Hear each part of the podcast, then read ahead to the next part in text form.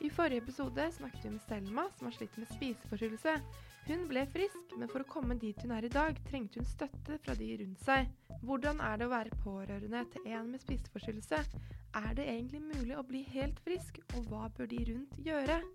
Du hører på en podkast fra ungforskning.no, og jeg heter Malin Haugan. Dagens gjest er Kari Løvendal Mogstad. Hun er mammaen til Selma, men hun er også lege, og i 2017 ga hun ut boken 'Kroppsklemma', som handler om kroppspress og samfunnets store fokus på utseende. Bare noen få år senere fikk hun selv en datter med spiseforstyrrelse. Hvordan var det å være pårørende til en med spiseforstyrrelse? Eh, det har vært en forferdelig tung eh, periode eh, og prosess å være mamma til ei som fikk anoreksi.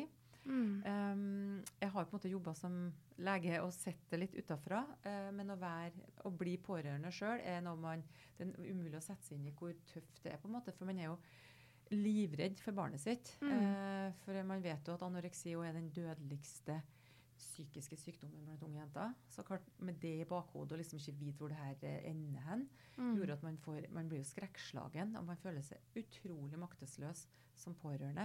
Mm. Um, fordi det er en sykdom som bare bores inn i, hjernen og tankene til den som er syk.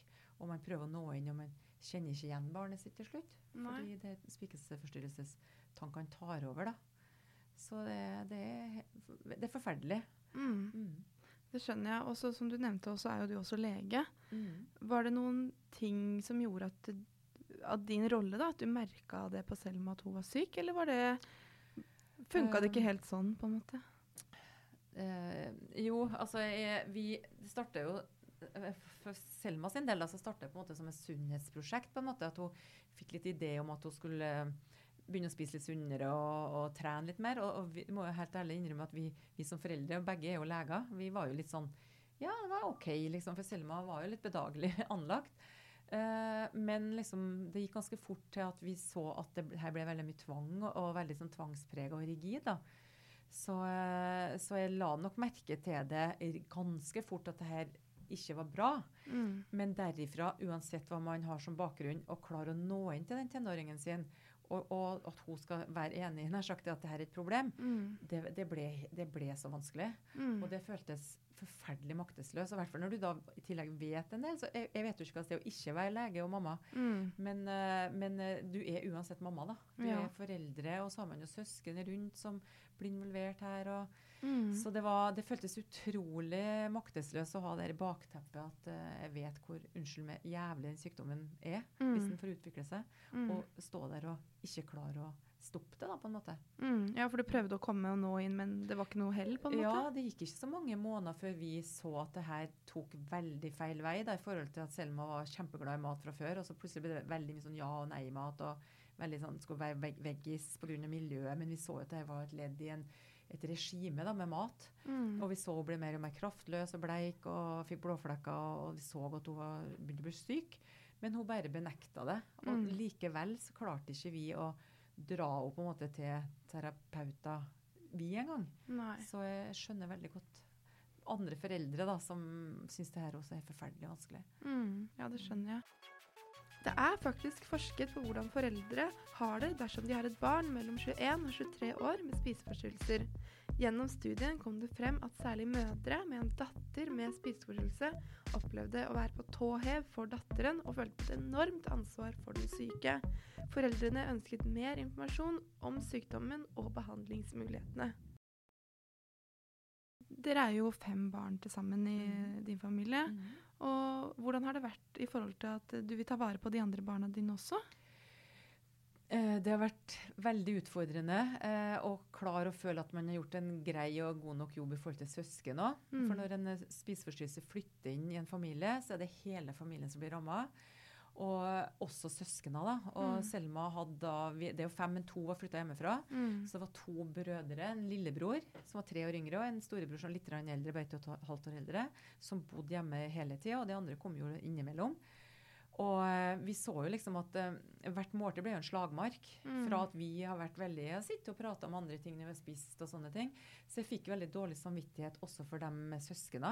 Mm. For alt dreide seg om Selma og maten og krangling. Og de satt jo der og var unnskyld meg drittlei, og det skjønner jeg. Så Mm. skulle vi prøve å gi dem gode matvaner. Og de, han minstemann skulle begynne i tenåra snart. Og, og man følte liksom at man ikke klarte å gjøre en god jobb på noe som helst vis. da. Mm. Og alt ble bare sånn mislykka følelse.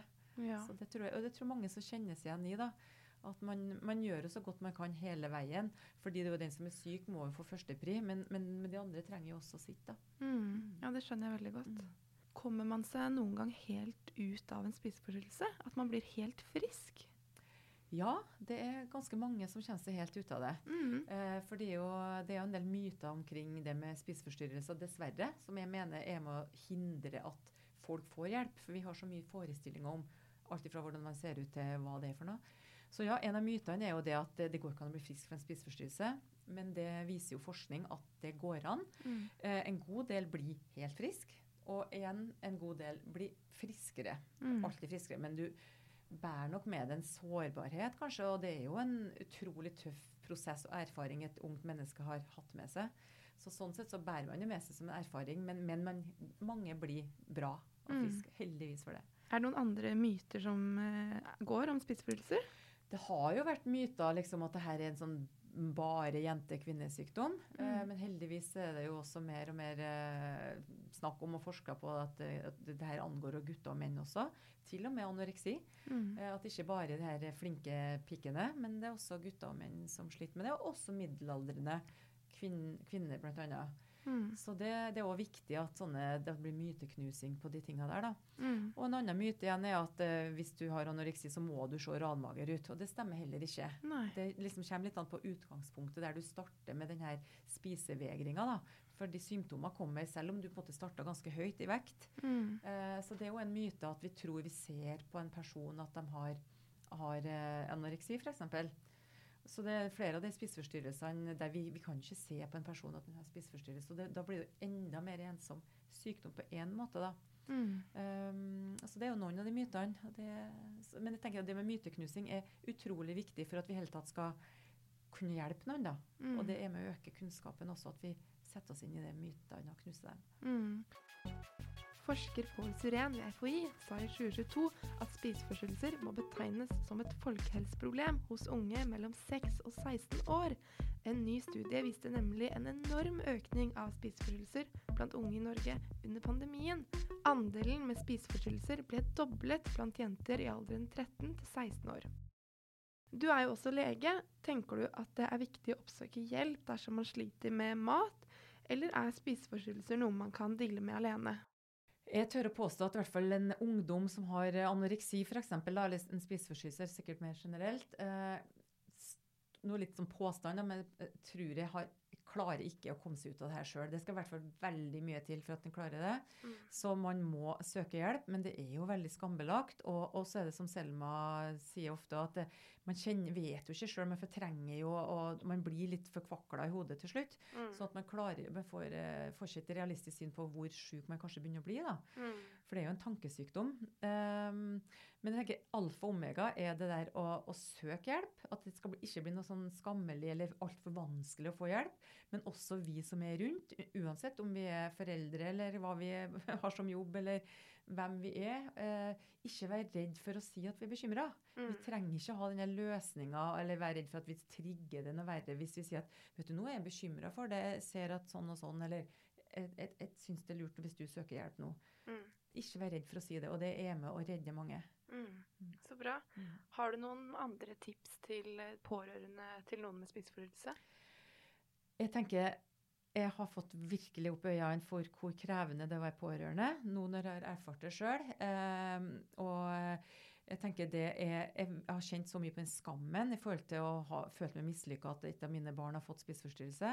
Men vi må, bare, vi må bare komme oss ut av det, for det gagner i hvert fall ikke barnet vårt at vi går og graver oss ned i den skammen. Men også tror jeg, det, for det er så krevende da, å være familie og være par, for som er foreldrepar eller foreldre generelt. Søk hjelp. Søk Mm. hjelp sjøl også. Ha noen gode å snakke med som du har tillit til, for å klare å, å nær sagt holde ut da, i den jobben det er å være foreldre til noen som er spiseforstyrra, så trenger du å få litt avkobling og avlastning.